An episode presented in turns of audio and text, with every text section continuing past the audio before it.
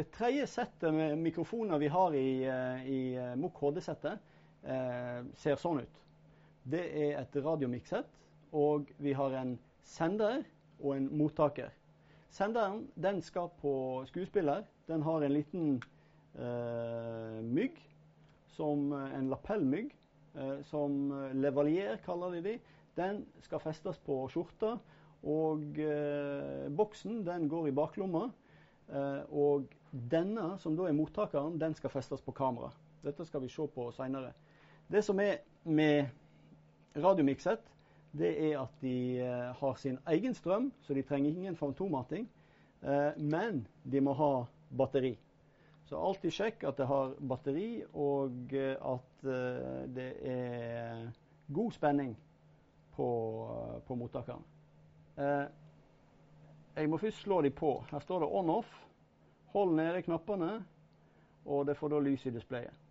Det som er viktig med når du først slår på opp, uh, sender og mottaker, det er at du ser at uh, frekvensen på uh, begge to er den samme.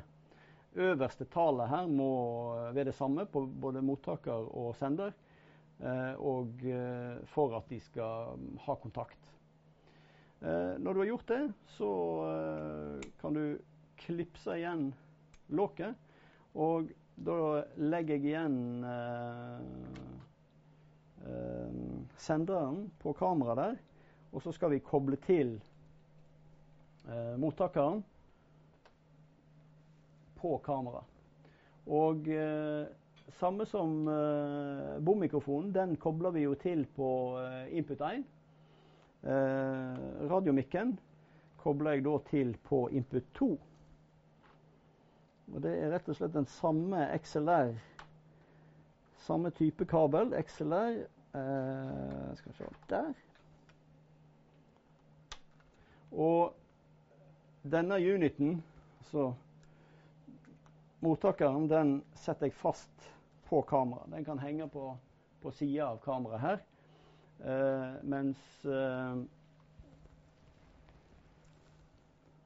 senderen den skal da på skuespiller, og uh, du fester da lapellmyggen på sku skuespiller, og sjølve boksen den kan gå i lomma.